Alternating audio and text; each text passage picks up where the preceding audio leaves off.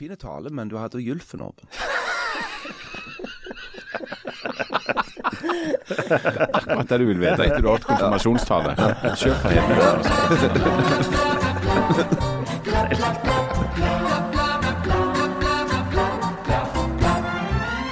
Ja vel, Jan og meg har vært på intellektuelt stevne midt i Stavanger, mens Harald har vært på Fasta, Hada, Scooter. Vi har spørsmål til Janne. How much is the fish?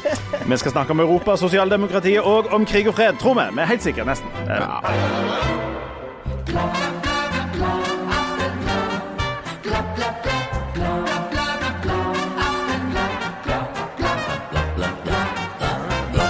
Hjertelig velkommen til Aftenbladet. Jeg heter fremdeles eh, Leif Tor Linde. Og ikke nok med det, her sitter Janne Stingen Drangsvold. Du sitter med en sviktende mikrofon Jan Sahl. Hallo, Sam. Og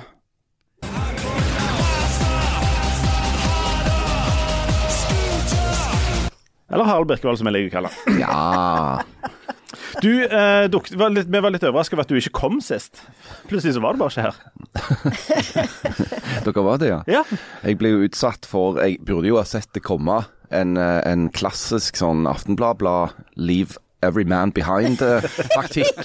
eh, hvor jeg hadde fått beskjed om at når jeg hadde kommet ned til Teutonia, så skulle jeg lese inn en, eh, en veldig interessant fem minutters eh, faktafullt eh, Analyse. analyse av den europeiske energi- og sikkerhetssituasjonen.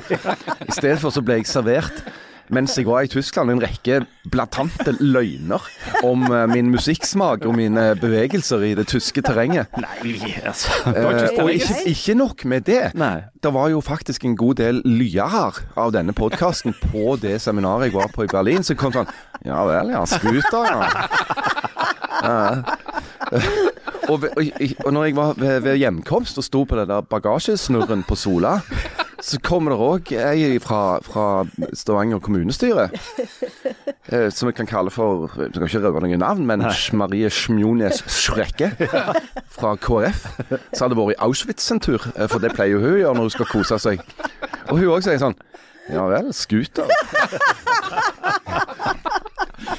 Men det vi Altså, for vi er jo dine aller beste venner. Eller vi er jo dine eneste. Det er bare, egentlig tatt. bare Eller, det- Janne som er Det nærmeste vi kommer ja, noe som best ligner friends forever. Og vi, vi er her for å støtte og hjelpe deg. Det du ikke tør å stå fram med offentlig fordi at det kan være er personlig belastende eller litt tungt å si, og sånt, det sier vi bare for deg. Så vi, vi er på en måte dine krykker i livet. Det vi ser at du klarer å humpe deg fram. Altså, det, det som jo er lesson learned her, det er at du, du må være til stede. For hvis ikke så skjer disse tingene, tingene. ja. Sant? Det, er- det Eh, er sånn er det. tryggest Ja. å være til stede. Ja, det Og det er jo derfor Jan rigger seg til med sånn adhoc-podkaststudio i forskjellige europeiske og norske byer. Det er for å unngå det som skjedde med meg. ikke sant? Men, eh, men, men altså, mener du Mener du at vi har eh, begått faktafeil? Ja, det mener jeg. Jeg har ikke hørt på Scooter, men nå fikk jeg Nå har vi jo det. Og det som faktisk òg har skjedd, var at nå får jeg tilsendt scooterrelatert informasjon. Blant annet at denne artisten skal opptre i Kristiansand Hæ, i, skal i han? sommer. Ja. Ja, han skal spille i Kristiansand. Perfekt. Så hvis har- det er har du noen som billett? lurer Nei, jeg har ikke billett. Ennå. Er det utsolgt? Jeg vet ikke hva det er, men, men eh, hvis det er De noen andre av fra lytterne som Suldal som du lurer reiste til Tyskland med, den speidergruppa fra Ty- Tyskland, skal de Eller fra Suldal, skal de Har de billett? Suldal voksenspeiderforening. Jeg skal si det du, jeg skal si det du Harald, kvier deg for å si. Er det noen der ute som kan skaffe en billett? Muligens òg overnatting til Harald på scooterkonserten i Kristiansand i sommer. Du trenger jo ikke overnatting, for du er jo våken hele natten. Ja, ja, ikke sant? det er Eh, Når du er på scooterkonsert, så er du jo litt eh, våken. Ja. Ja, det er sant, det. Veldig våken og veldig aktiv Ja. gjennom hele scooternachspielet. Men hvis for eksempel du Altså, du kunne, men du, du vil selvfølgelig reise. Du kunne jo reist med hun eh, Jo Nes Brekke fra KrF der, så kunne dere hatt dere en eh, Men vi var jo enige om ikke å bruke navn på henne da, men ja. Å ja, OK. Ja, det er greit. Ok, Men det, det ble ikke. Men du har, du har vært i Tyskland for så vidt og gjort noe annet. Jeg har gjort det noe annet. Jeg har vært med på en, eh, et eh, seminar om eh, euroge, europeisk energi Erogene erogene, Hvor var vi på vei her? erogene soner i Berlin. Nei, det var europeisk energi- og sikkerhetspolitikk. Det dårligste. Etter krigen så delte de vel Berlin opp i to erogene soner. Det var det de kalte for den østlige sonen og den vestlige sonen. Begge to var veldig erogene. Men de var, du, det- du måtte kitte dem på litt ulike plasser for at det skulle bli noe gass. Var det ikke sånn at, at at amerikanerne og russerne hadde veldig forskjellig syn på dette med erotikk. Det må... De hadde jo tre erogene soner i det som heter Vest-Berlin. Ja. Det var jo da amerikanerne og franskmennene og de engelske. De franske kan vi ikke si, for dette er et familieprogram. Ja. Ikke snakk om den franske sonen. Og så den øst, eh, østlige delen, det var jo den, den russiske erogene sonen. Ja. ja. Eh, og det bærer jo den byen preg av eh, den dag i dag. Jeg hørte at det var en åpning i den franske. Nei, nei, nei. nei, nei, nei, nei, nei, don't, don't go there. Don't go there. Vi skal snakke mer om dette erogene seminaret fra, fra Tyskland litt senere. Men vi, før, altså, når vi kom inn her, så Vi kom inn i denne fasen av året der der vi må skufle unna alt mulig før sommeren. Altså, Det er så mye som må skufles unna nå. Akkurat som i, i Stavanger kommunestyre. Ikke sant? Vi har funnet noe penger! Ja. Kan vi gjøre noe mer gratis? uh, jeg kan fortelle at vi, jeg, vi var på en plass uh, der vi fortalte at eh, i Stavanger var det, er det så mye penger nå at um, i bokhandler så kan du gå og bare forsyne deg av alle bøker fra alle lokale forfattere, for de er nå gratis. Men de forfatterne må bo i Stavanger. ja, ja. De må være unnfanga innenfor Hetland kommune eller Stavanger kommune. sant? Ja. Mm, Ja. det er helt riktig. Men eh, denne underskufflingen, du Janne, du, du kom inn her og annonserte at du igjen har fått korona i øyet, selvfølgelig. Ja, jeg har det i begge øynene, faktisk. Og det, og det er Forbaska greier, det. Ja, det er det. Og jeg fikk covid. Fuck covid. Ja, Men vi har nå empiri nok til å kunne eh, linke dette til en del sesongbetonte ting. Og den ene tingen du får umiddelbart covid i øynene av, er jo når det må skuffles unna ting før sommeren. Ja. For nå er, det, nå er det heise. Nå var det i går. Ja. Avslutning for 20. trinn. Mm. Eh, I dag eh, åpning på 8. trinn. ja. Eh, jeg holder på å lese eksamensoppgaver. I går så leste jeg eksamensoppgaver hele dagen eh, fordi det var så mange. Og så når jeg skulle ha møte, så innså jeg at jeg hadde lest feil.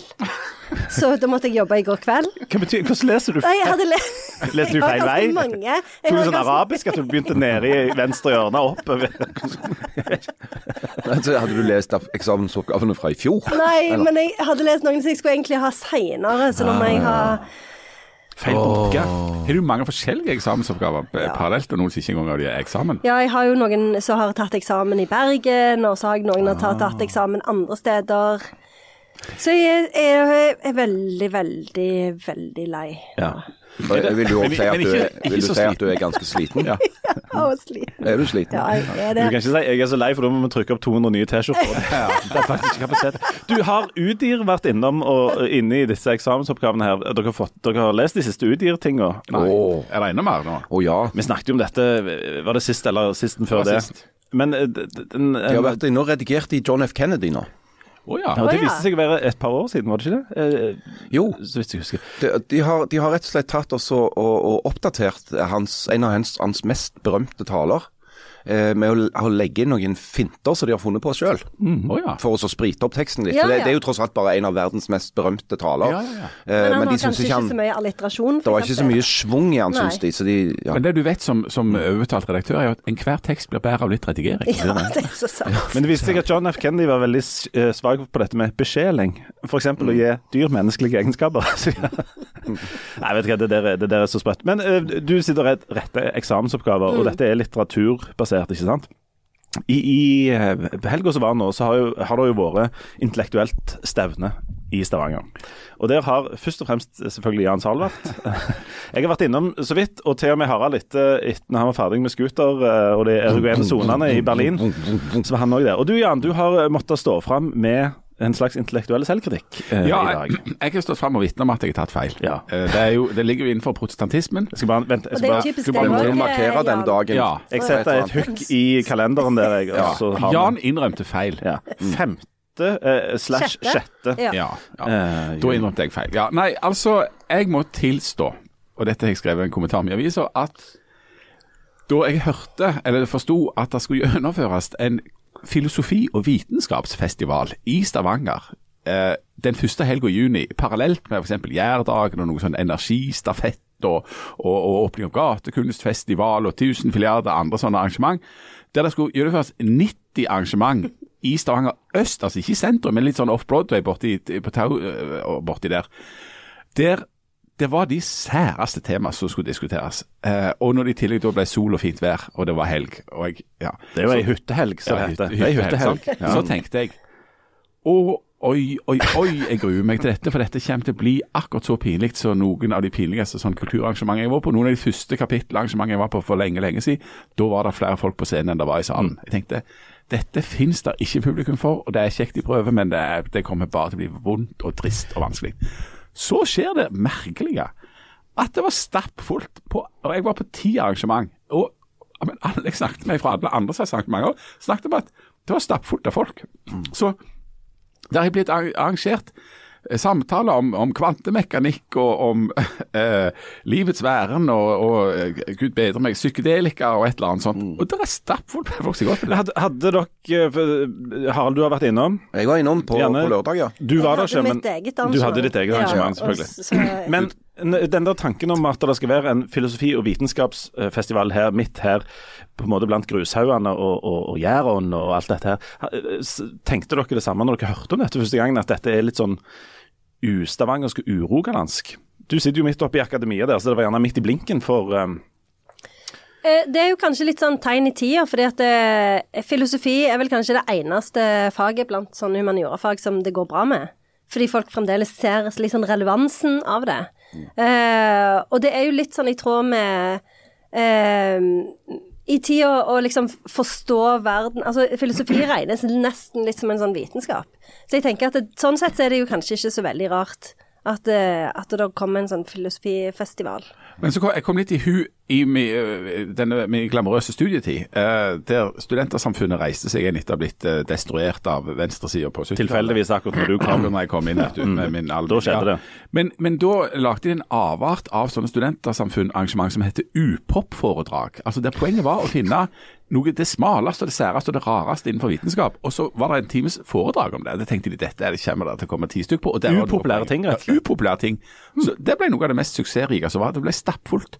Og da, og er en sånn Og og det er noe interessant og noe av det gledelige og litt sånn eh, tegn av sivilisasjon at i en ganske sånn nytteorientert region som vår det, altså dette, dette at jeg ikke hadde tro på, dette er jo både en fornærmelse til arrangørene, som, som har kommet med en idé som jeg ikke tror på, og så er det jo en enorm fornærmelse til eh, det stavangerske folk, som jeg da altså ikke Og et bevis på at du kan ta gutten ut av brynet, men ikke brynet helt ut av ja, gutten. ja, nettopp det. Sant? For jeg har ikke tiltro til at det er sånn en type intellektuelle interesse. da.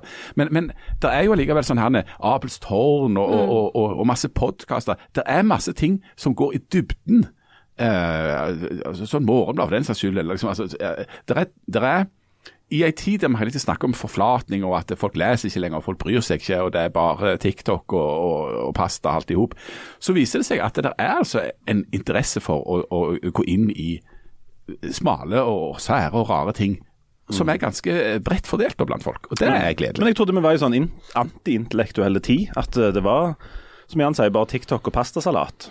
Nei, altså det, det viser vel at det er fortsatt en, en, en, i alle fall en andel av oss som er interessert i disse tingene. Og det viser jo faktisk, altså for meg som jobber i media, at det, at det er en viss interesse for dette med vitenskap særlig. Altså Det blir jo ennå den dag i dag, i den digitale tidsalder, så blir det jo gitt ut en rekke blader, magasiner i Norge som handler om dette med viten og kunnskap og vitenskap. Og, og det hadde jo ikke skjedd hvis det ikke var et marked for det.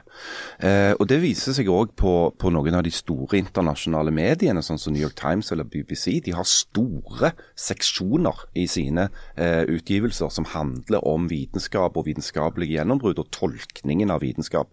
Sånn at det er en interesse for det. Og så er det jo, det vet vi jo, en interesse for den mer sånn åndelige dimensjonen ved livet. Dette, det som handler om det filosofiske. Hvordan skal vi tolke og forstå? Eh, og det er òg noe som mange kan kjenne seg igjen i. I det siste halve året cirka, så har det vært en global diskusjon om kunstig intelligens. Kunstig intelligens reiser jo mange spørsmål, og ganske mange av de mange spørsmålene er jo i sin essens eh, filosofiske.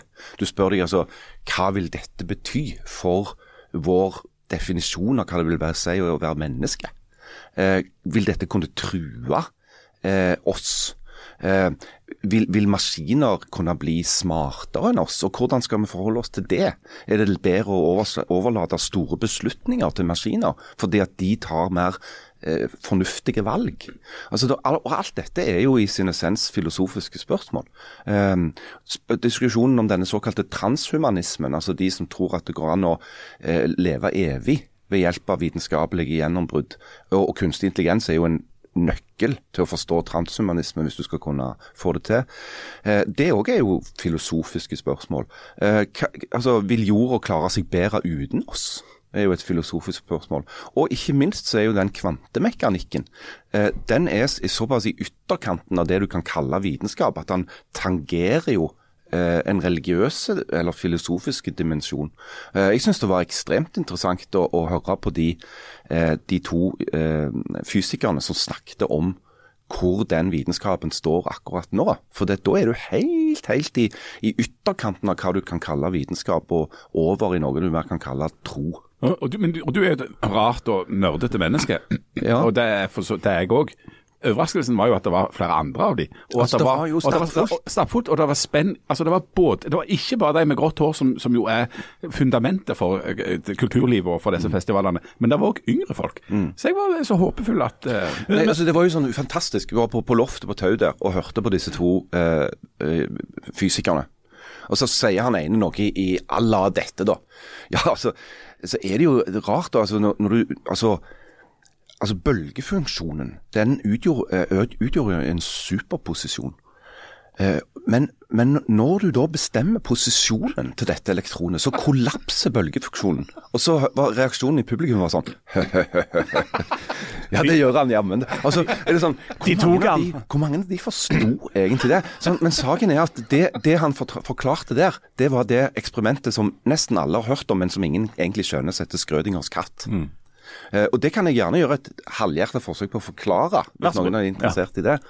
For det at Skrødinger han var en fysiker på 20-tallet. Og dette, altså for det hele, hele kvantemekanikken som vitenskap er ca. 100 år gammel.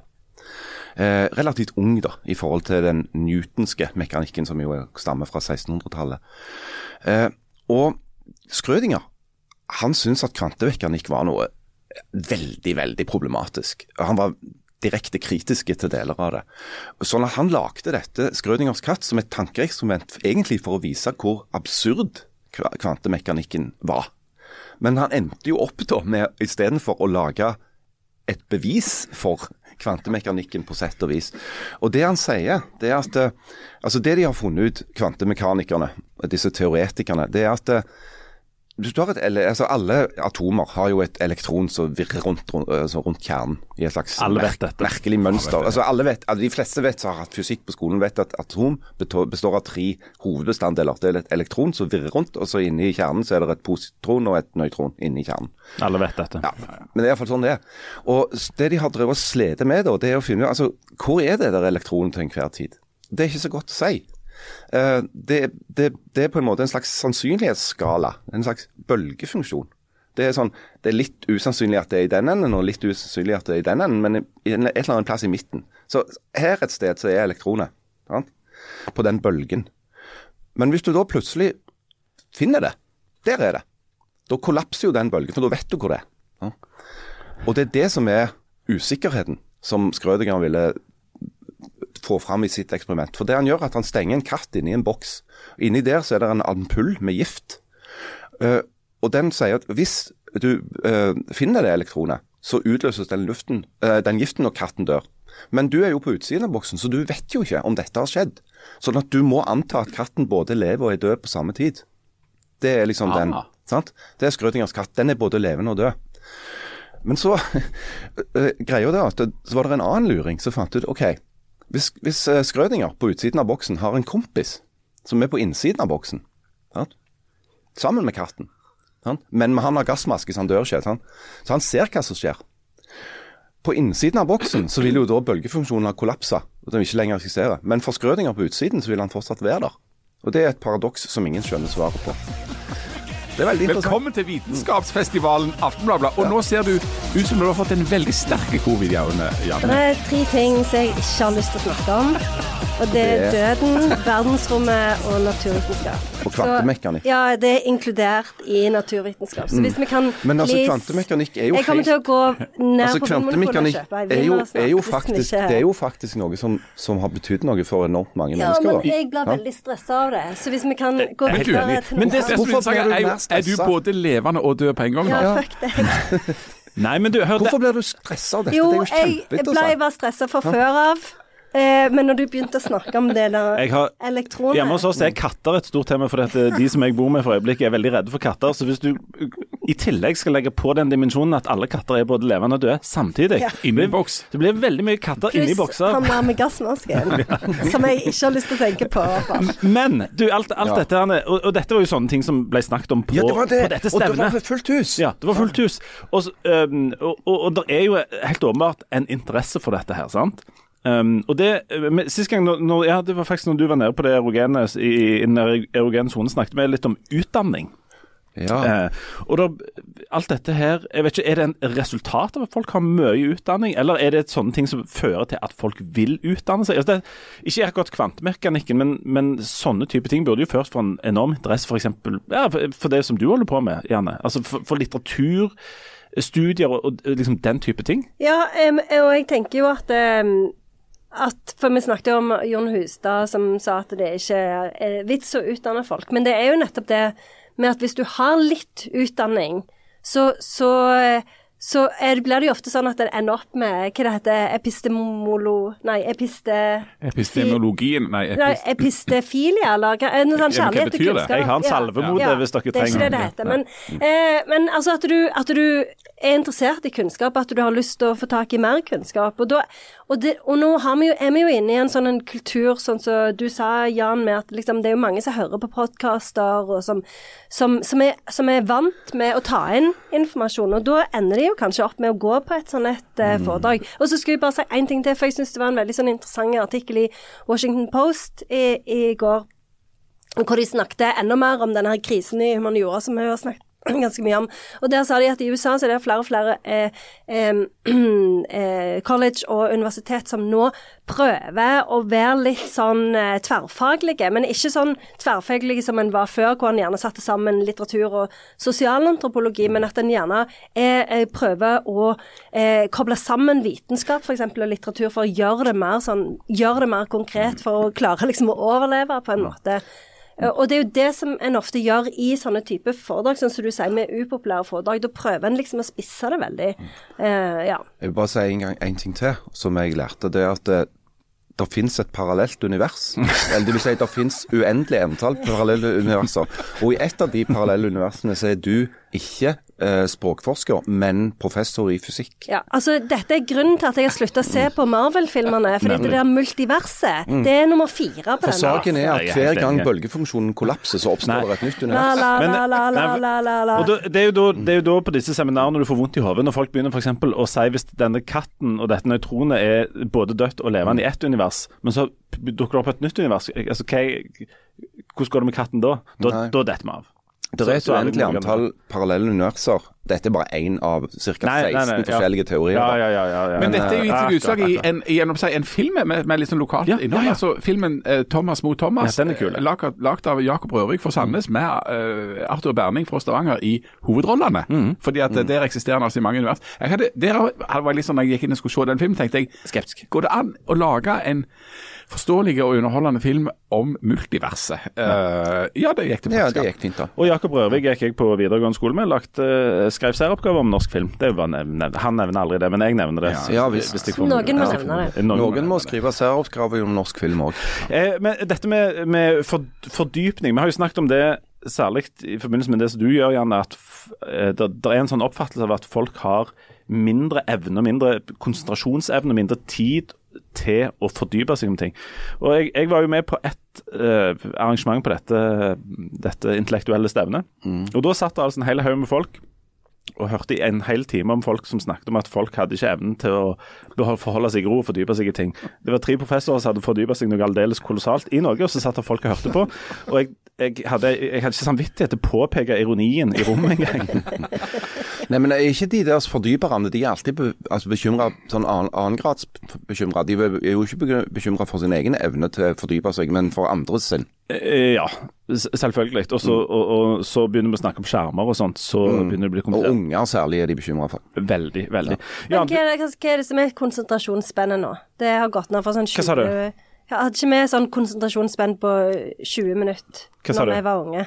Og nå er det 20 sekunder. Hva sa du nå? Jo, der er, jo det, det er jo helt sant. Skal det, skal det bare være Nei, sånn ja. i hele denne podkasten? Altså, Vi har jo akkurat fått demonstrasert dem, Demonstrasert, er det? Ja, det er. Demonstrasert Språk er at eh, ditt, eh, ditt uh, oppmerksomhetsspenn når det gjelder en interessant forklaring av uh, kollaps av bølgefunksjonen, det er Der- ca. fem der sekunder. Ja, hva, støtter jeg jeg, 100%. det er bare at jeg misliker det så intenst, og jeg Er det bølgefunksjonen da? Nei, men hør da, veldig er sterk eksistensiell angst av det, og jeg hadde tenkt å ha hvit dag i dag, så hvis vi kan please gå pensle oss inn på temaet. videre. Eh, Ja. Det er jo pol i første etasje Ja, av den bygningen vi sitter i nå, så det. dette ordner seg jo. Nå skal jeg, det, det er En av de tingene som, som viser hvor fort du må, eh, du må fange oppmerksomheten, eh, er å måle lengden på popmusikk, f.eks. Hvor lenge folk gidder å høre på en sang.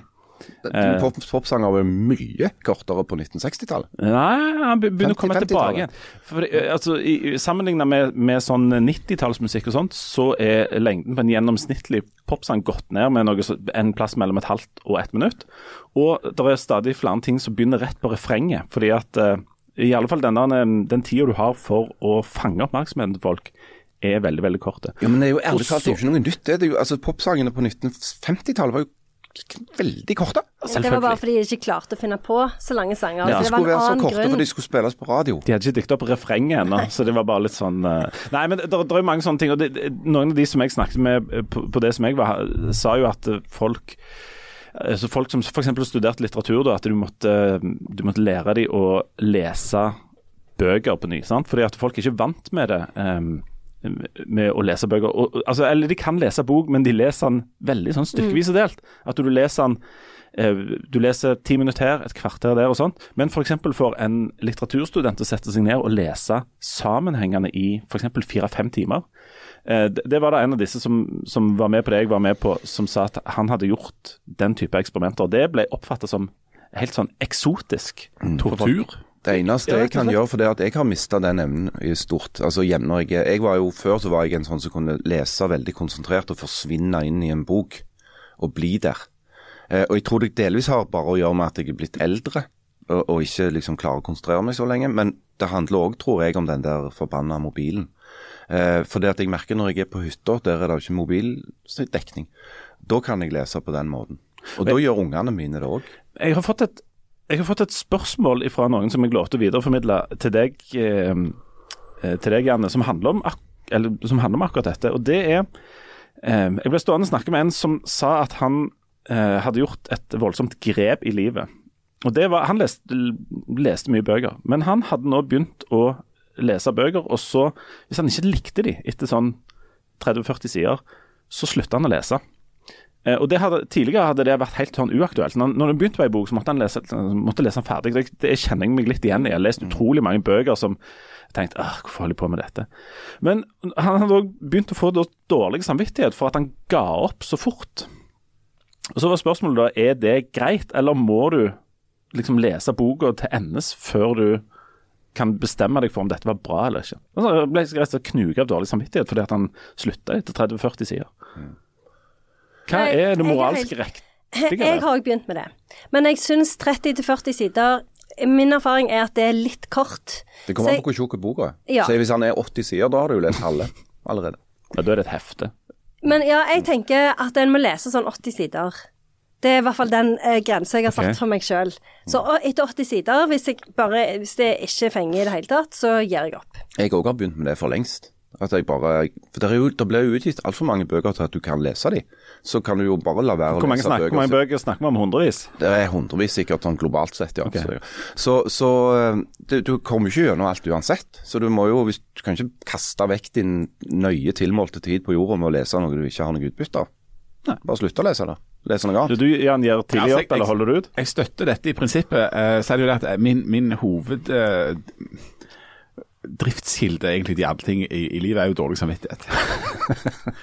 og det har jo ført til at jeg har lest altfor eh, mange bøker ut. da. Og I tillegg leser jeg jo enormt seint, så da må jeg jo sette av. Men, men jeg, jeg har klart faktisk å avslutte noen bøker nå eh, i det siste, eh, før jeg kom så voldsomt langt. Så det er egentlig, jeg mener at det er et eh, helt godt eh, tips, altså. Jeg har mange ganger gått på med krum hals på Prost. Jeg har de, de der bøkene, tolv bind, hjemme. jeg har kommet litt ut i bind to. Det er så kolossalt kjedelig å lese om minnene til denne borgerlige drittungen at jeg, jeg orker det ikke. Men hvorfor skal du da men så gjøre det? Jeg, men jeg har jo vært på intellektuelle stevner. Jeg òg, blant annet så var jeg en gang og hørte på Dag Solstad og Karl Ove Knausgårds samtale i Kinosal 1 på Kapittelfestivalen om dette her verket, da. Sant? Og begge var jo skjønt enige om at det, det er fordi det er så grusomt, kolossalt, hjernedrepende kjedelig at det er fantastisk. Eh, og det skjønner jeg bare ikke. Det Altså. har blir sagt mye forskjellig på sånne eh, snakkestevner, altså. Ja, det. Men bør vi lese av samvittighet, eller? Nei, altså, jeg syns jo eh, det kan jo, være, eh, det kan jo være fint å tvinge seg gjennom ei bok. Og jeg er jo enig i det eh, som du sier, Harald, med, med Prost f.eks. Jeg, eh, jeg har heller ikke lest alle tolv bindene, og jeg syns jo det er utrolig gørr. Det er altså så Men sånn så den- vilt gørr. eh, Sånn så den gørreste boka kanskje som jeg har lest, det er 'Underworld' av Don DeLillo. Ja, den syns jeg var helt utrolig gørr. Og det er jo sånn 800 sider. Mm. Og jeg vet ikke helt hvorfor, men jeg tvang meg liksom til å lese hele boka. Men den har liksom Han har liksom ja, holdt litt på han. Han har Mm. liksom skapt et eller annet. Så jeg, jeg er glad for at jeg leste han, men det var jo Eh, Men det, er det det gørreste du har lest? Ja, den var helt Eller Men han er tok, jo altså, Don DeLillo tok seg i hvert fall sammen og begynte å skrive veldig korte romaner. Ja, ja, han gjorde jo det, men det var game over for meg. Jeg orker ikke mer. Men jeg, sånn, og Anna Karenina er jo Eller noen av de russiske er veldig, veldig gørre. Det går ikke an å huske. jeg har aldri prøvd. Jan, har du noen dårlig samvittigheter hjemme som det er sånn eseløyre etter 40-50 sider? Eh, vet ikke hva jeg ga opp på? Nei. Karl Ove Knausgård. Ja, ja, men, ja, men det gjorde jeg hadde òg. du kommet? jeg, jeg kom, vel, eh, Min kamp. ja, jeg kom vel halvveis i den første boka, så tenker jeg uh, Jeg vet ikke hvor lenge, hvor lenge har du tenkt å holde på? Og så bare ga jeg opp. Men det har jeg tenkt å gi et nytt forsøk, fordi jeg har jo skjønt at de At det er verdt det til slutt, men Jeg leste to bind av det, Ja. og så burde jeg begynt på det tredje, for det handler jo om eh, vår felles tid Ja. eh, oppe i Bergen der, men eh, da hoppet jeg av. Noen uh, figurerer i vinter. Ja, når noen sitter her og vifter og ja. mhm. Men jeg holder på med ei bok nå som jeg likte veldig godt til å begynne med. Og så nå har jeg kommet til sånn side 160 og begynner å kjenne er den der Lars Elling, 'Fyrstene ved Finntjern', har dere lest den? Ja, Ja, den syns jeg begynner å bli Der er liksom der er ikke noe framdrift i den. Nei, det er sant, den begynner bedre enn den slutter. på et Ja, vis. gjør han Men han var ganske er interessant. Han var ganske kul. Han, han, eller litt i den der Oslo-stilen, sånn ja. Sabe Christensen. eh, Ja, for han er, ja. og så er han litt sånn affektert, syns jeg. Og så var det noen sånne flotte formuleringer. Eh, De bodde i et dysfunksjonelt eh, Altså Ja, dysfunksjonelt hus. Eller altså Ja. dysfunksjonell Nei, det var i, i var- dysfunksjonell stil. Ja, dys, ja, et hus i dysfunksjonell stil. Veldig bra. Ja. Men en løsning på dette jeg, I dag så skal jeg reise faktisk til Oslo for å være med på avslutning på det som jeg har eh, blitt med på, nemlig denne lesesirkelen av menn som leser kvinnelig samtidslitteratur på fortrinnsvis 150 sider. Så dere legger ned virksomheten nå? Nei, vi skal ha bare sommeravslutning. Oh, ja, Det er bare for sesongen, sesongavslutningen. Men altså, en løsning er jo å velge seg ut bøker som ikke er så greit lange. da er det, det er realistisk. Det, er dette som blir definert som realistisk. Rundt 150 sider, da klarer vi å komme gjennom det.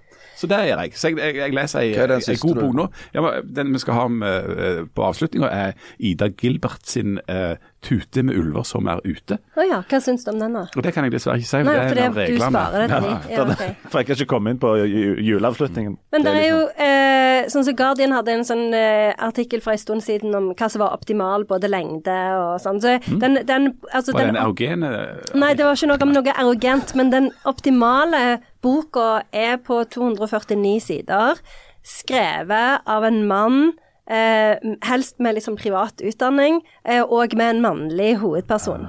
Altså, halv, Og- og så kan anbefale han- å lese halve Jo Nesbø-bøkene. Men da er han ideell i hvilken forstand at han har mest sjanse til å bli en suksess? Eh, både suksess, at folk leser han eh, eh, for, ja, altså, han Han en både blir suksess lest? i den forstand at folk eh, kjøper han og leser han. Ja. Og da, for da, det som er fordelen med det, at da treffer du jo begge kjønn òg, fordi at eh, menn leser jo helst menn, mens kvinner leser både menn og kvinner. Og vi må ta en eh, liten pause. Når vi kommer tilbake, så blir det åpen mikrofon. Jan har eh, insistert på å snakke litt grann om sosialdemokratiet. Harald skal snakke om Urix eh, med 18-årsgrense. Uh, vet ikke, så begge deg gjerne bare sitte og høre på mens de holder på, eller Ja. gå ned på polet og finne noe mot den coviden. Ja, jeg tror kanskje okay. han må ha en liten tur på polet. Vi er snart tilbake.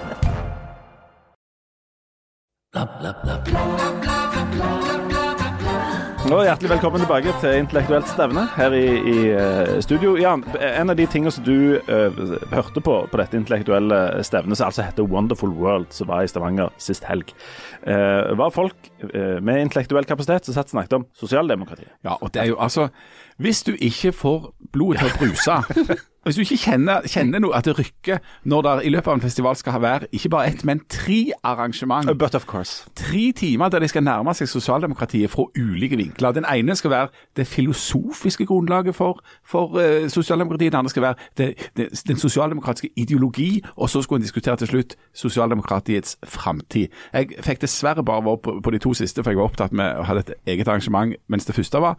Men, men um, men dette er jo kjempeinteressant, sant? for at sosialdemokratiet er i trøbbel i Norge. Altså Arbeiderpartiet sliter. Vi må først, altså, hva, ja, hva er sosialdemokratiet, da? Må... Ja, Den korte oppsummeringen av sosialdemokratiet i Norge er det norske Arbeiderpartiet. Det norske Arbeiderpartiet er et sosialdemokratisk parti. Det er et resultat av Altså, de, de, de første, Den første venstresiden, og, og sånn der òg Arbeiderpartiet starta, var som et revolusjonært parti, altså nærmest kommunistisk. Og, med, og Den første splittelsen gikk ut på skal vi knytte oss til Sovjetunionen og liksom, liksom Komintern. Komintern, mm. eller skal vi ikke. Men, men, det er altså en tanke om at istedenfor at du skal lage væpna revolusjon, så skal du prøve å reformere gjennom politiske deltakelse, gjennom valg og gjennom politikken. altså At du gjør det fredelig. Men men du har ambisjoner om å skape samfunn og omdanne samfunn. og det, Der har helt åpenbart sosialdemokratiet vært enormt viktig i etterkrigstida i å forme det velferdssamfunnet vi sitter på i dag. Sant? Starter med utgangspunkt i arbeiderne og arbeiderne sine kår, som jo var ræv dårlige på et visst tidspunkt. De jobbet kolossalt lenge for kjempedårlig betaling, under forhold som gjorde at de mistet både fingre og helse og lunger og alt i hop. Nå, nå lever vi i et samfunn der det er enormt regulert. Og sosialdemokratiet har vært veldig viktig der, for det har vært det store prosjektet der. Men nå svikter det. Eh, nå mister de oppslutning i Norge, de mister oppslutning i, rundt omkring i Europa. Og hva skal du gjøre da? Og hva er på en måte problemet da? Er det, er det liksom det filosofiske grunnlaget, er det ideologien, og hvordan skal de tenke framover? Og til å snakke om dette, så hadde de fått inn eh, noen gode folk. Eh, F.eks. Gudmund Hernes, som jo eh, Hernes må fjernes. Vi prøvde å få han fjerna på 90-tallet. Eh, problemet nå var lyktes med det, da. Ja, og han var på ingen måte fjerna. Altså, jeg, jeg tror mannen er 82 år når han ser kliss lik ut som han gjorde da vi prøvde å fjerne han. Eh, og han er, han er, minst like skarp i altså Det skal han ha, selv når vi prøvde å fjerne han. Han er en skerping, altså. Det skal han ha. Men, men han, eh, han, holdt et, et, et, langt foredrag der det var noen sånne catchphrases som var ganske gode. For altså, Han sier jo at en sliter og, og, og, og finner, driver og finner på ting. Uh, Jf. Han brukte f.eks. eksempelet Eh, det var ingen parti som gikk til valg på at en skulle gi strømstøtte til folk. Og Det var jo fordi at Forrige gang det var valg, så var det ingen som visste om at dette skulle skje en gang. Sånn at dette er noe du må finne på etter hvert. Um, det der uh, vedtaket i Stavanger om at en skal plutselig ha gratis kollektivtrafikk, framstår som et påfunn. For det at de er på jakt etter saker, de er på jakt etter et eller annet. Fins det en eller annen reform, fins det et eller annet vi kan gjøre som kan få folk til å flokke seg om oss? Skal det være tennene, at det skal bli en del av, av, av helsa? Men det er noe sånn litt sånn smått og puslete over det, og det springer hele tida etter hendelsene. Sånn at det han sa var at eh, forandringen kommer før forståelsen. Altså det kommer en forandring av samfunnet. Og så har sosialdemokratiet istedenfor å være sånn samfunnsbyggende, der du har en slags fortelling og en visjon og et mål, og der du har tegnet et sånt stort bilde, og så er det om å gjøre å legge de ulike puslespillbitene. Men folk forstår at ja, nå må vi legge den biten. Nå er det den reformen som kommer, fordi at det store bildet skal være sånn og sånn. Sånn er det ikke lenger. Folk har ikke fått tegnet det bildet. De, eh, Sosialdemokratiet klarer ikke å legge de der små bitene, som òg kommer til å endre seg etter hvert. Og en springer hele tida etter dagsorden. prøve å liksom forholde seg til det på en måte. Og Der mente både han og, og flere av dette panelet at det ligger eh, store problemer, som er interessant. Er ikke det det med Da begynner vi å nærme oss en, det vi kaller populisme, gjør vi ikke det? Altså At politikerne bare springer etter det som Populisme er jo en, en merkelapp som en ønsker, altså en klistrer på eh, politikk som en misliker veldig ofte. Altså det, det som Jan beskriver her, er jo at eh, sosialdemokratiet som en statsbærende ideologi, da, som det har vært i Norge og mange andre europeiske land, eh, har gått fra å være proaktivt til å bli reaktivt. Mm. At du eh, Istedenfor å skape samfunnet, så reagerer du på endringer i samfunnet. Og Det er et reelt problem. Uh, og Det andre problemet jeg tenker sosialdemokratiske statsbærende partier har, er at noen har stjålet klærne deres mens de var ute og bada. Det vil si at uh, for, Det er jo en grunn til at det er vanskelig for hvem som helst, til og med for uh, politikere fra de respektive partiene og se forskjell på programmet til Høyre og Ap. Eh, de er påfallende like på veldig mange punkter. Eh, det er mer tolkingen av programmet som er litt ulik fra, fra, gang til gang. Eh, og Det gjør òg at rommet for oss å si at dette er definitivt sosialdemokratisk politikk, og hvis du er enig i den, så må du stemme på Arbeiderpartiet, det har blitt mindre. Fordi at det er en masse sosialdemokratisk politikk i veldig mange av partiene, inkludert Fremskrittspartiet. Som jo er en varm forsvarer av velferdsstaten, i alle fall for mennesker som er født eh, i Norge. Og så er Det jo sånn at det kan godt hende at de har oppnådd mye av det som var målet, som det da er konsensus for. Altså I plassen for at folk jobbet ti timer eh, seks-sju dager i uka og mista fingrene i, i, i, vevemaskinen eller mm. håret i et eller annet, og, og døde når de var 42 og fatt, lutfattige, mm. så har vi jo kommet til et nivå der vi altså lever i verdens rikeste land. Vi er på topp på alle rankinger hver gang det skal kåres hva som er verdens beste land å bo. Vi har verdens mest omfattende, omfattende velferdsstat. Så det er sånn å finne Eh, og, og, og, da har jo store deler av, av eh, arbeiderklassen eller så arbeiderklassen var jo tidligere da i privat sektor og jobbet i industrien. Mens nå er det jo veldig mye offentlig sektor-folk som støtter dette her. Folk som jobber i offentlig sektor. Det, det er en helt, et helt annet utgangspunkt. Så det er jo sånn, Hva skal vi finne på? Hvor mange nye reformer? Eller hva er det som er ugjort? Hvor er det nå vi skal gå hen? Og Da blir det veldig fort litt sånn i, i mar marginale grupper enn det store flertallet. Ja, så er det jo det, det, det, altså, det som òg har skjedd, det at uh, du, du, har fått større strekk i laget. Sant? Altså, Det er høyinntektsgrupper nå i det norske samfunnet som, som befinner seg ganske langt ifra kan du si, medianinntektsgruppene. Det er jo Rogaland et godt eksempel på. Veldig mange har veldig godt betalte jobber i privat sektor i Rogaland. Eh, derfor er Rogaland gjennomgående et blåere fylke enn mange andre. Det handler jo om at folk stemmer litt etter lommeboka. Eh, men så er det òg sånn at handlingsrommet for politikk har blitt mindre. Det er mye vanskeligere i dag å sitte på Stortinget og være visjonær og innføre nye, brede reformer, fordi at eh, du har fått et samfunn hvor veldig mange rettigheter er lovgitt, og du har EU- og EØS-avtalen som blander seg inn i eh, hva norske politikere faktisk kan vedta. Og det tredje, en del av de store reformene som noen roper på nå, roper de på fra lenger ute til venstre. F.eks. SV, og kanskje særlig Rødt, og kanskje særlig en fyr fra Stavanger som heter Mime Kristiansson, han eh, kjører på med, med krav om eh, økte satser til minstepensjonister og uføretrygda, og snakker om tannhelse skulle være gratis og de tingene der. Det er veldig få fra Arbeiderpartiet som eh, altså sosialdemokrater som fronter den type ønsker om store reformer, dyre reformer, som vi snakker om. Eh, og Der òg er det noe. at det, det, det, er en følelse nå av at det, eh, vi har ikke råd lenger til alt som er kjekt. Og Derfor så er merkelig nok tenner ikke regnet som en del av resten av kroppen i Norge. fordi at tannhelse det blir ikke dekka på samme måte som alle andre typer sykdommer. Og Når alle disse store tingene er gjort, er det da vi ender opp med å ha litt sånn ledig, ledig, kapasitet til å drive sånn kulturkrig og identitetspolitikk og sånne ting? Er det helt åpenbart. Det det helt åpenbart. Fordi Dette, eh, dette sto egentlig ikke på dagens program, men i, på dette intellektuelle stevnet i Stavanger så ble det jo gjort forsøk på å arrangere samtaler og debatter rundt uh, trans, f.eks., som jo ikke gikk veldig godt. Dette, dere, dette har vi i Aftenbladet skrevet en del om. Mm. Uh, og da uh, det viser seg å være et av de feltene. Altså, sånn kvantemekanikk og, og sosialdemokrati og, og, og hjerne og skjerm og sånt, det, det, er ikke noe problem å sette på, på Nei, Det er noen temaer i den såkalte kulturkrigen, og, dette med identitetspolitikk og kjønn er et av de områdene som for tiden er, er vanskelig å arrangere gode eh, debatter om, fordi at de mest aktive debattantene ikke ønsker å dele scene. Mm. Eh, og Det går begge veier, da. Eh, og, og, det er jo noe som, som, er et hinder for at den debatten skal kunne komme særlig langt videre. Eh, rett og slett at partene er ikke interessert i eh, en form for dialog eller samtale. Det er mer en snakk for, om avmelding av, av synspunkter fra hver sin side. Ja, jeg hadde da for, for ordens skyld eh, ansvar for det arrangementet da. Som, eh, altså ikke ansvar, det var ikke jeg som hadde lagd, men det var jeg som var liksom ordstyrer på det. Eh, og jeg hadde òg et om menn ja. og, og, og mannens problem, så jeg var veldig inne i det kjønnsaktige på denne mm. intellektuelle festivalen. Men, men det, det, er jo det er bra at, jeg mener jo at det er kjempebra at de tar opp det òg, altså at de gjør forsøk på iallfall at vi må ha noen slags fellesregler. For hvis en ikke engang skal klare å snakke om dette her, og ikke engang altså, diskutere med hverandre men, men jeg mener jo det henger litt i sammen med det der reformgreiene For hvis det er sånn Hvis du skal se veldig sånn Dette blir sveipt, eh, stort og sveipende og altså, misforstått Unyansert. Men hvis du ser på rettighetstankegang sant? På et visst tidspunkt så hadde f.eks. kvinner omtrent ingen rettigheter. Og så ble det helt åpenbart at eh, Eller det ble ikke helt åpenbart for alle, tydeligvis, men, men, men, men det ble nå eh, etter hvert mer åpenbart at du må på en måte inkludere halvparten. Sant? Og så etter en stund så kan du, så kan du snakke om den skeive eh, de, altså de skeive sin, sin kamp sant? for å få aksept og for å få rettigheter. Sant? De utgjør ikke halvparten, men de utgjør kanskje vet, 10, 10 for eksempel av en befolkning. Men når du da kommer til eh, trans, f.eks., så er du nede i en ganske liten eh, prosent eller promille.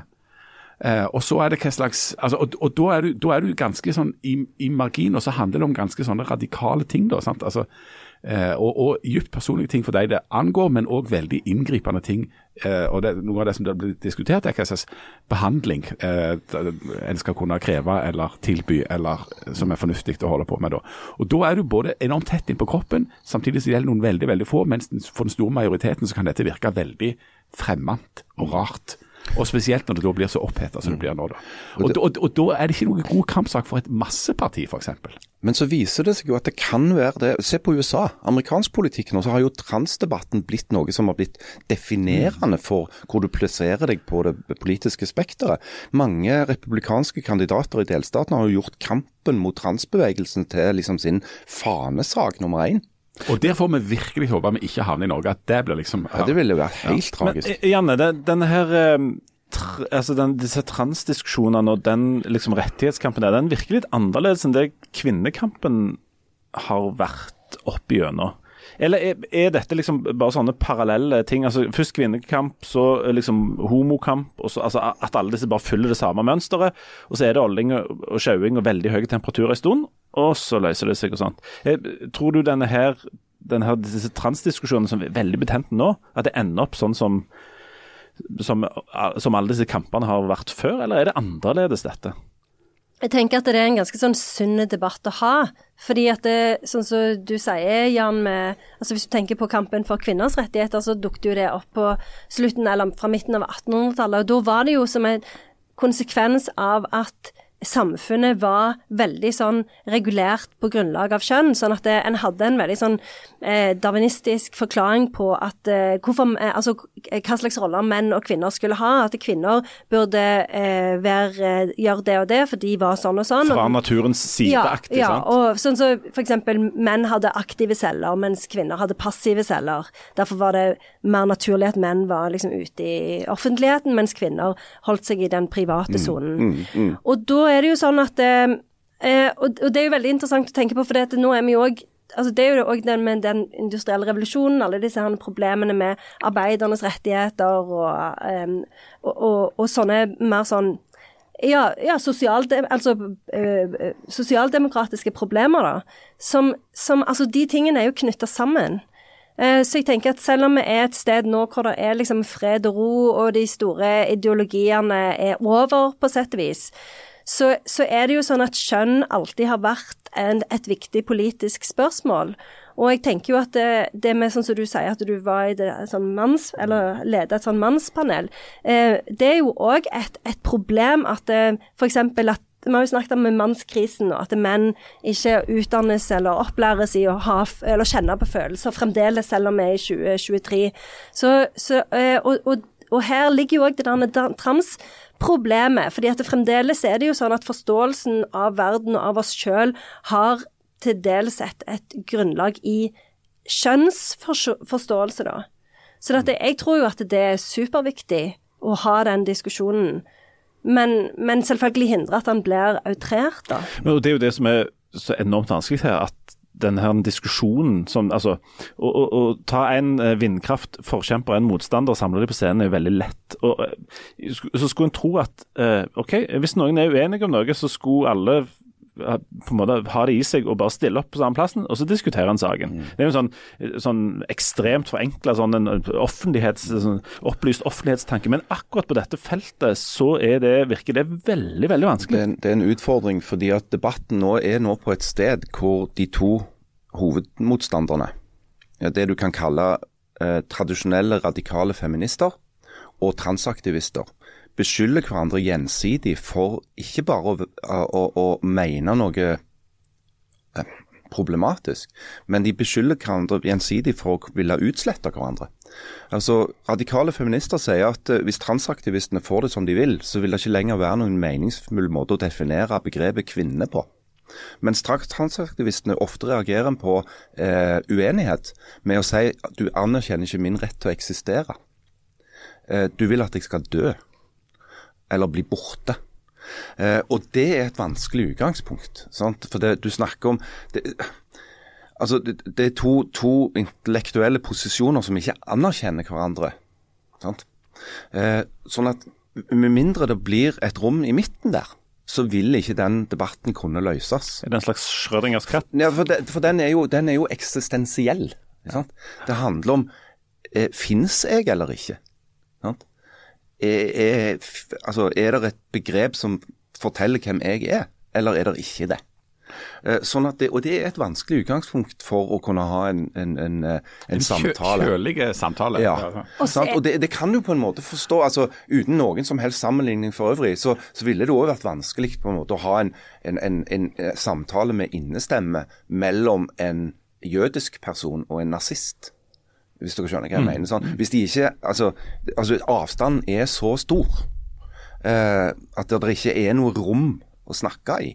Og Det det som er håpet for, for transdebatten, er jo at den, at den nærmer seg et eller annet et punkt hvor det faktisk går an å snakke om, om de tingene som er problematiske. For det er problematiske ting, f.eks. i programmet til FRI, da, den organisasjonen FRI. Eh, som vil, Hvis du bare kan skifte kjønn ved å erklære det nærmest fra dag til dag, så vil det skape en masse uoversiktlige problemer.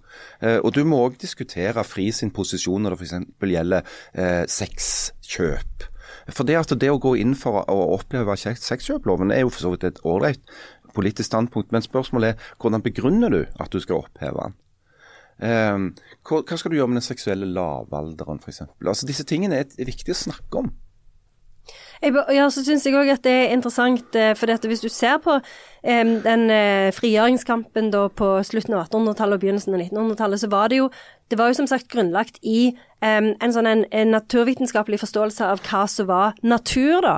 Sånn at det, og hvis du har på en måte naturvitenskapelige publikasjoner som f.eks. sier det med late og eller passive aktive celler, eller f.eks. den tanken om at For det var jo òg en sånn en, en tanke om at et, eh, et menneske har en viss mengde energi, eh, og eh, kvinner brukte jo den energien på å føde og liksom eh, få barn. Så derfor så var det jo naturlig at menn hadde mer energi til overs. Så derfor var det òg bedre at de på en måte var ute i den offentlige sfæren, fordi kvinner hadde jo ingen energi føding, igjen. De var Jeg veldig slitne. Jeg, Ja. altså, jeg har veldig lite energi og, og Ja, og da, og da var jo det altså, og da var det jo sånn at når en fikk kvinnekamp, da, så, så var det jo eh, en bekymring for at kvinner skulle bli syke. At når de gikk imot sin egen natur. Så dette, jeg, jeg mener ikke at det, en skal gå inn i en sånn en relativisme, men en må jo på en måte kunne eh, gå inn i en diskusjon om det som vi oppfatter som naturlig, delvis er kulturelt betinget. Altså, det er jo en diskusjon som vi bør ha hele tida. Og det er vel her sånne intellektuelle stevner som det som var i Stavanger, der en diskuterer ikke bare vitenskap eller bare filosofi, men òg prøver å kombinere de to. Og, ehm, for det, det fins diskusjoner som er begge Og nå får du ikke lov å snakke mer om sånne bølgekraftverk inni døde katter og sånt, men, da- men disse tingene Jeg er tingene fremdeles mest bekymra for han der med gassmasken. ja, Ikke sant, ja. Men, da, men han, disse tingene kan tangere hverandre, og der, der finnes diskusjoner der det er begge deler. sant? Altså, Der du diskuterer hva som er både natur og vitenskap og sånt, men som òg handler om eh, filosofi og litt sånn eksistensielle ting. Altså Disse tingene eksisterer ikke nødvendigvis bare hver for seg. Nei, alt henger jo sammen, og det henger jo også inkludert da, altså, eh, sammen i politikken, da, sant? hvis du da går opp til sosialdemokratiet. Sant? Altså, hva er det som eh, de, hva, er det, hva er de på en måte kunnskapsmessige eller vitenskapelige forutsetningene? Hva er de eksistensielle? Hvordan, I hvilken grad former det politikken? og I hvilken grad skal for, politikken bidra til å forme det samfunnet? Eller, altså, det henger, alt dette henger sammen. og Jeg har jo vært, ja, jeg er helt enig, og jeg har jo vært på et intellektuelt stevne i Berlin. Fasta. Hvor det bl.a. deltok en filosof. eh, Og òg lærte Scooter, var det scooter? Nei, det var ikke det. Men fortell det var en filosof fra Equinor. Eh, men uansett. eh, saken er at vi har jo lært, ja, de fleste har i hvert fall lært det, at etter 24.2 i, i fjor, når Russland eh, invaderte enda større deler av Ukraina enn de gjorde eh, gangen før, eh, så henger energi- og sikkerhetspolitikk sammen som egg og bacon. For det som skjedde da, var jo at eh, Europa fikk en ganske brutal påminnelse, og særlig da Tyskland, om at eh, å gjøre seg så avhengige av energi levert av Russland ikke nødvendigvis var en god idé. Eh, og det, er, det, og det betyr jo selvfølgelig masse for oss her i, i Norge og Rogaland òg. For det at den gassen som tidligere ble levert fra Russland for å fyre opp den store tyske industrimaskinen, det er jo Europas mest folkerike land og Europas industrielle motor vi snakker om, den kommer nå fra Norge. Eh, men samtidig så har jo tyskerne bestemt seg at de vil helst slutte med denne gassen, for de skal jo bli klimavennlige. Eh, så det store energivendet, som de kaller det i Tyskland, holder jo på. Men det jeg bl.a. lærte på dette intellektuelle stevnet, det er jo at denne transformasjonen av Tyskland fra en, en, eh, å være et land som bruker veldig mye fossilt brennstoff, til å bli et eh, miljøvennlig land, den går saktere og er mye mer komplisert enn mange trodde når de satt og vedtok dette her. Eh, fordi at akkurat som i Norge så er det stor motstand i Tyskland mot f.eks. å ha vindturbiner stående histen og pisten, og nye svære kraftlinjer som strekker seg i utsikten. Um, og det er mange teknologiske hinder for at uh, alle disse vidunderlige tingene skal skje. Så, og, og var, En del av det var jo liksom litt forutsigbart, for det, det er litt av de samme problemene vi strir med her og i alle andre land, og vi leser mye om mediene. Den andre tingen uh, som jeg tok med meg hjem, og som jo er grunn til en del bekymring, det, det er jo at det, det, virker jo som om verden er et veldig farlig sted akkurat nå. Um, sånn hvis du ser, legger an et sånt historisk perspektiv på det og ser på verdenssituasjonen akkurat nå, så ligner den jo fryktelig på det som skjedde både før første og andre verdenskrig. Du har en sånn såra elefant, en tidligere supermakt som er i ferd med å nedgraderes til kanskje mer en stormakt, som har atomvåpen, eh, og som mener seg utsatt for en stor historisk urett, altså Russland. Og så har du et eh, Vesten som har vært litt sånn på nedadgående når det gjelder forsvarsvilje og evne. Tyskland er jo kroneksempelet på det, som har drevet med en slags de facto nedrusting helt siden murens fall i 1989. 40% av stillingene i det tyske forsvaret er ubesatt.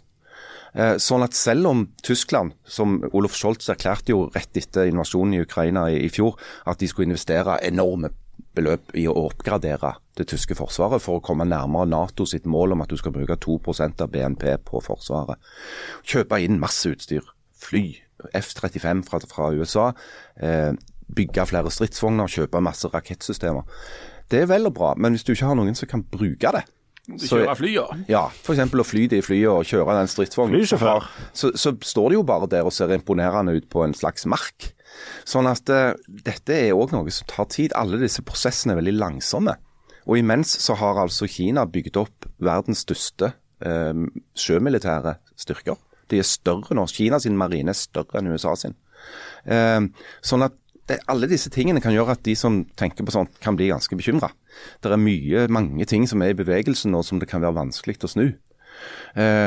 og det som var en av hovedkonklusjonene Du skulle slutte litt lystig her, tenkte Ja, nå, Ja, men En av hovedkonklusjonene var at det var viktig å eh, i, fortsette å bygge opp Forsvaret for å vise at vi faktisk kan forsvare oss hvis det skjer. I går så sa jo den norske forsvarssjefen til Dagens Næringsliv tror jeg det var, at vi er bare i stand til å forsvare oss i noen dager.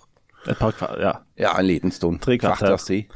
Men hvis vi skal slutte på en, en lystig ja, nå bør du ha noe ja, nå bør du ha ganske noe bra, bra. altså. Altså, For gassmasker og ja, tredje verdenskrig og og verdens, Bare dra en verdensrom òg, bare kjør på. Men hvis vi lever i mellomkrigstida, det, og det har alltid jo vært en sånn klassisk kritikk Mm. de som levde i mellomkrigstida, at de ikke forberedte seg bedre når de visste de levde i De bare Altså, det er jo så festa dumt at og, og hadde seg ikke sant, i Weimar-republikken i. Tyskland. Og Det var dekadense. Ja. Scooterkonserter Ja. og drit og lort. Men Ingen som tok, tok grep og sa hør, vi lever i mellomkrigstida. Vi må Dere er klar det er ingen som vet at de lever i mellomkrigstida Nei, men er det dette som er gladsaken? Nei, nei, nei, nei, Gladsaken er-. Altså, vi, vi forholder oss jo veldig flott til det. De drev og festa og holdt på nede der. Nå er det snart Nå er det live på Baulen. Det er Mablis-festival. Snart er det Gladmaten. Der er Orkesteret på Titanic spiller. Jeg, trenger mer og snart kommer Mani med gassmaske tilbake. Keiser skal spille 56 Mm. Altså, konserter i høst. hvis jeg skal Det si noe positivt, da, hvis jeg skal si noe positivt Jeg vet at euroen er dyre, det er noe drit, men dra til Berlin. Å ja. For Berlin er en, et vidunderlig sted. Verdi, altså Berlin er så kolossalt bra by at uh, bare dra der. Drit i at det snart blir krig. eh, og at euroen er dyr, dyre og sånn. Bare dra til Berlin. Det gikk an. Ja, men po, po, ja, nå har Polo, Polo åpna for akkurat Nei, men- to minutter siden.